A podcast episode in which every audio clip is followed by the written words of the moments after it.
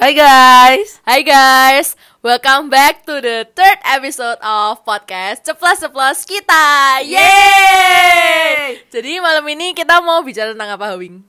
Malam ini kita bakal bicara tentang dendam. Apakah kamu orang yang pendendam atau justru kamu malah orang yang let go? Nah, kalau kamu sendiri dari pengalaman-pengalaman sebelumnya, kamu tuh menggolongkan dirimu tuh sebagai orang yang apa, Wing? Kalau aku sih, aku ini orangnya nggak pendendam, tapi aku suka mengulang-ulang kesalahan orang. Jadi aku itu bias. Jadi like, misalnya ada orang melakukan kesalahan, um, dua hari kemudian aku lupa. Jadi dua hari ke depan, kayak beberapa jam kemudian aku lupa. Tapi kalau aku sampai menghadapi masalah lagi sama orang itu, aku biasanya langsung kayak, oh ini pasti gara-gara ini tak sambung sama problem-problem sebelumnya gitu loh. Jadi kamu baperan gitu intinya? Aku nggak baperan, aku susah baper. Tapi kalau aku is baper, aku cenderung uh, bias. Jadi kayak aku cenderung judgmental ke orangnya. Dan oh, tapi aku emang judgmental orangnya. Jadi sebelum aku tahu orangnya apa, aku pasti harus ngejudge orangnya dulu. Jadi biasanya aku is kayak jaga sikap gitu ke DE.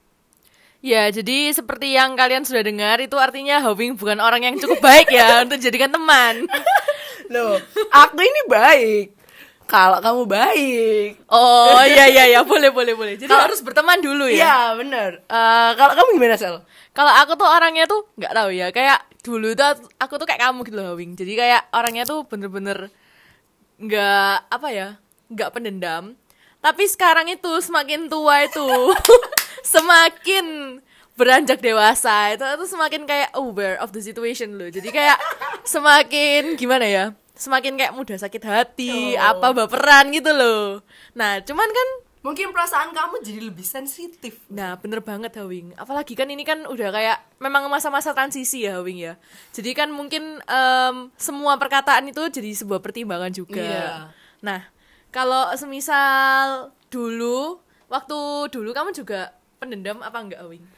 Um, aku dari dulu, aku malah dulu lebih parah lagi. Maksudnya aku lebih let go lagi. Maksudnya aku nggak pernah um, mikir masalah orang. Jadi aku tuh bener-bener kalau misalnya orang ngelakuin kesalahan A, ya wes berhenti sampai di situ. Kalau aku udah maafin, aku nggak bakal bawa lagi.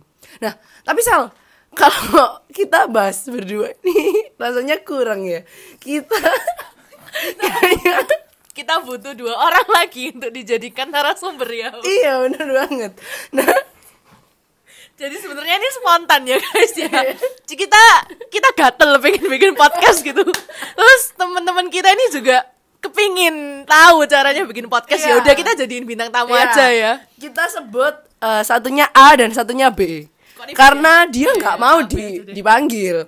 Oke, okay, kalau gitu, oh ya disebut. Kalau gitu A kamu ini orangnya tipe yang pendendam atau enggak? Ya, kalau aku sendiri sih orangnya nggak pernah dendam. Aku itu lebih ke orangnya yang lebih let go. Tapi kadang itu ada orang itu kayak ngelakuin kesalahan itu diulang-ulang.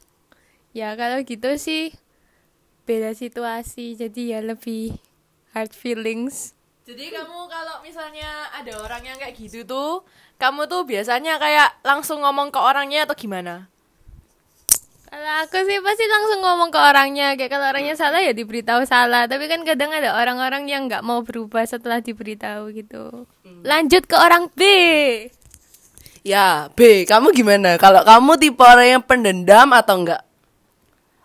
Uh, sebenarnya menurut aku pribadi aku bukan orang yang pendendam dan menurutku pribadi aku bukan orang yang subjektif jadi menurutku kalau misalnya pun aku nggak suka sama orang itu pasti ya karena orangnya benar-benar melakukan kesalahan yang fatal.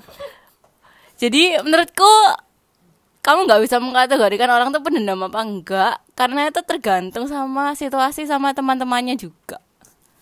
Ya tapi memang si B ini memang logik banget gitu loh, iya. Kayak sebenarnya tuh mirip sama kamu, cuman si B ini sangat-sangat ya cuek dan objektif. Yeah. Terbukti dari kehidupan cintanya ya, Iya iya, loh, Sal, tapi aku beda loh sama si A. Tadi dia kan bilang kalau misalnya DE gak suka sama orang, dia bakal langsung bilang, aku nggak, aku nggak pernah bilang kalau nggak suka. Jadi aku cuma I'm faking everything. Jadi, like misalnya dia melakukan kesalahan, aku bakal, oh iya nggak apa-apa. Padahal aku udah bilang, aduh orang ini. Jadi yang mungkin merasa teman lamanya Hawing, hati-hati ya. Mungkin kalian itu kayak, aduh orang ini ya. Mungkin Hawing tuh mikirnya kayak yang enggak-enggak gitu. Iya, aku tuh cenderung punya semua di otakku, tapi aku nggak pernah ngungkapin. Soalnya bukan karena aku apa, cuma aku gak mencari masalah. Karena I love peace. Loh, tapi kalau misalnya kamu dendam, kan akhirnya kan jadinya marah tau di hati. Nanti kalau tumpuk-tumpuk terus lama-lama bisa meledak loh Hawing. Oh iya, tapi selama ini nggak pernah ada yang meledak, jadi tuh aman. Kalau misalnya si A, tadi kan si A kan bilang ada orang yang diomongi itu gak mau berubah. Kira-kira apa yang kamu lakukan sekarang? Maksudnya apakah kamu masih berteman sama orang itu? Apakah orang itu masih ada di sekitarmu? Ya tentu ya masih lah. Kalau misalnya enggak ngapain dipikirin lagi. Tapi ya gimana lagi, dijalani aja. Jadi kamu sekarang nge-fake A. Enggak dong. Nampaknya A ini punya sesuatu yang personal sekali ya. Kalau B ini kayaknya nggak seru dia ini tidak bisa digali gitu loh. Karena B ini kayaknya dia sudah nggak pendendam, nggak subjektif apa terus tujuannya padahal kan kita podcast ini penuh subjektivitas. Benar sekali. Kita tuh suka kepo-kepoin orang gitu ya. Iya. Kalau kita tanya ke B itu hasilnya ya sama. Hasilnya kayak kita ngomong sama orangnya langsung kayak ya, Nihil. iya nihil gitu loh. Nah, kalau misalnya kamu B, kamu masa dari dulu itu udah emang nggak udah cuek dan nggak peduli gitu. Enggak sih, menurutku aku dulu am- orangnya yang orang yang sangat peduli dan karena sangat peduli itu berakhir membawa kecewa dan jadi nggak peduli apa apa lagi. Makanya menurutku pribadi mending orang nggak usah peduli kata orang lain supaya membuat hidupnya sendiri bahagia. Tapi kan ada pepatah berbicara berbagi itu indah. Berbagi itu nggak berarti cuma berbagi akan Anjay. berbagi akan kebahagiaan tapi juga kesusahan. Kalau misalnya kamu stop ngurusin hidup orang berarti kan kamu sudah stop sharing kamu stop punya teman dekat. Apakah itu tetap membuat kamu bahagia be? Hmm, enggak. Maksud aku, aku bilang nggak peduli sama yang lain itu teman dekat, teman yang biasa kita ajak ngomong, kita ajak pergi itu nggak termasuk ya. Maksudnya itu orang-orang yang bener-bener kayak mm, mungkin ya, ya mungkin kayak di kepanitiaan atau di Kembali lagi ke panitia. kelas di kelas misalnya. Ya seperti itu. Kalau misalnya orang-orang dekat seperti keluarga teman dekat itu kan nggak mungkin ya kita biarin kita lepasin mereka gitu aja oh tadi yang pertama disebut apa tadi kepanitiaan Benar banget. ada apa dengan kepanitiaan Kenapa kita selalu kembali ke kepanitiaan? Memang panitia di jurusan kita atau di lingkungan universitas kita ini banyak sekali persoalan ya. Kalau kamu sendiri, ah, kau, apakah kamu ada? Kamu apakah ada permasalahan dalam kepanitiaan atau di kelas? Eh ya kalau di kepanitiaan sih ya nggak ada. Cuma ya gitu susah nyocokin jadwal sama orang panitia luar itu susah. Kayak mereka itu kayak nggak tahu gimana mereka itu sering pergi gitu loh.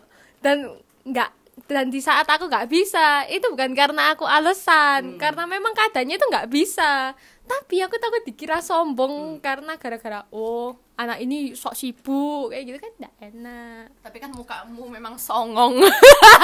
Oh, jadi inti yang dikatakan si A ini, Sel. Dia itu bilang buat temen-temennya si A yang merasa yang satu panitia dan seling aja A keluar. Dia itu bukan sombong, tapi dia itu emang banyak tugas dan tugasnya itu dikejar deadline. Jadi dia nggak bisa pergi. si A ini memang sibuk banget sih. Kayak selain dia tuh juga jadi kayak koordinator juga kan Iya, ya. iya.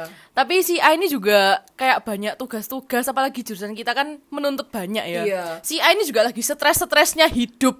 Masalah percintaan, Waduh. pertemanan, pekerjaan kuliah. Iya. Apalagi kan kayaknya dia juga harus bekerja keras untuk timnya. Benar sekali. Nah, kalau untuk B, gimana dengan kamu? Kalau kamu tadi kan yang nyebut kepanitiaan, kamu nih mengalami kepahitan apa dalam panitia? Jangan mikir lama-lama ya, Be. Eh,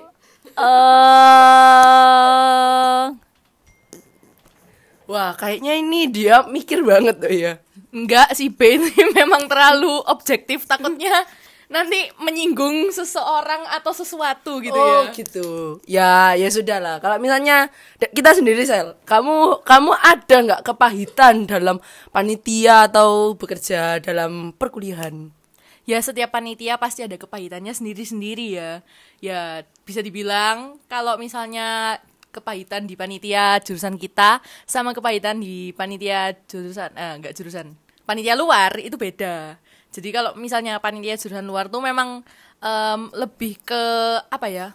Kayak kayak apa ya Habing? Tolong bantu aku jelasin. Kalau aku sih merasa di panitia luar lebih susah bonding, Nah, soalnya banget, nyocokin bener waktunya lebih susah kan. Iya, cocokin waktu. Terus juga orang punya persepsi beda-beda tentang kita kan. Soalnya kan soalnya kan kayak juga baru kenal juga. Terus ya nggak tahu kita cara kerjanya gimana. Kalau sedangkan di panitia jurusan kita tuh kita tuh sudah saling mengenal. Soalnya kan ya memang jurusan kita kan orangnya dikit. Terus kita juga em, lebih deket ke kakak kelas juga. Jadi kerjanya lebih enak. Ya cuman bukannya kayak me- lebih prefer ke yang panitia jurusan ya lebih kita itu kita itu ya sama-sama suka cuman memang ada kepahitannya sendiri-sendiri kalau kamu Hawing gimana Ya kalau aku sih seperti, yang sudah kita bahas sebelumnya, aku kalau panitia itu sebenarnya ya biasa-biasa aja. Tapi ya kalau dalam lingkungan perkuliahan apalagi lebih biasa aja. Karena kebetulan aku ini tipe beban, jadi aku tuh yang di carry sama orang-orang. Jadi mungkin orang yang sekelompok sama aku yang merasa terbebani. no hard feeling ya Iya, no hard feeling. Maaf teman-teman yang merasa temannya at Selina Wing 23. Don't forget to follow. at Selindo Cayona juga Nah, kalau dari A dan B, adakah yang mau ditambahkan? Misalnya saran-saran untuk menghadapi orang-orang yang dalam kategori menjengkelkan. adanya saran untuk orang-orang yang menjengkelkan itu. Iya. Soalnya buat aku sendiri, aku punya temen yang meskipun dia nggak apa dia nggak apa-ngapain sama aku, dia cuma ngomong-ngomong sama orang lain, tapi dari mukanya tuh bikin jengkel. katanya kamu objektif Loh, ini kan pengalaman pribadi. Jadi menurutku saran untuk orang yang kayak gitu, mungkin emosinya dan cara ber, ber- berkata-katanya bisa diputar kembali supaya mereka lebih bisa eh, bisa mengekspresikan dengan baik. Aku juga setuju. Aku baru-baru ini juga harus deal with those kind of people. mungkin Kalau- kalau suruh belajar berekspresi juga ya Iya, kamu tuh kalau berekspresi tuh yang enak gitu loh. Jadi kalau kita lagi ngomong, lagi ngomongnya itu santai, ya mukanya itu santai gitu loh. Kalau misalnya emang ngomongnya serius ya nggak usah nyengak dong mukanya. Biasa aja dong. Kenapa mukanya harus kayak gitu dong? Nah, kalau dari A sendiri kan tadi dari B udah. Kalau dari A, sarannya apa nih? Ya sama, kembali lagi ke orang-orang itu yang menjengkelkan menjengkelkan. Kan harusnya kalau misalnya mereka sudah sadar gitu ya, banyak orang yang mempersalahkan dia. Kenapa nggak mau dirubah? Kenapa ya? Menurutmu kenapa? Kenapa? Ya, Ya karena seperti yang setelah dibahas dari tadi ya, kita tuh selalu memendam, bukan membicarakan secara langsung. loh, meskipun sudah dibicarakan secara, secara langsung orangnya tetap nggak berubah terus gimana? Ya mungkin facial reconstruction surgery. Tapi ya kalau menurutku ya kan jadi gini loh guys, kalau dulu kita waktu belajar em, PKN tak sosiologi itu ada namanya hukum itu hukum dari emang hukum fisik gitu loh kayak kamu masuk penjara masuk apa. Ada juga namanya hukum sosial. Mungkin orang-orang seperti itu memang harus mengalami hukum sosial dulu biar dia tuh berubah. Jadi dia tuh harus nggak punya teman, dijauhi, baru dia bisa berubah. oh my god, kamu sadar gak kita jahat banget, tapi I like it. We love drama. Who doesn't love drama? Hawing, kayaknya ini sudah cukup sampai sini saja ya. Kita tuh Iya. Kita terlalu menyebar banyak hate. Oh, sebentar sebentar. Si B mau nambahin lagi. Iya. B, kenapa? Tapi ya menurutku untuk orang-orang kayak kita yang harus deal sama orang-orang kayak gitu, harusnya kita lebih terbuka lagi dan lebih eh, mengconsider pikirannya mereka dan situasinya mereka.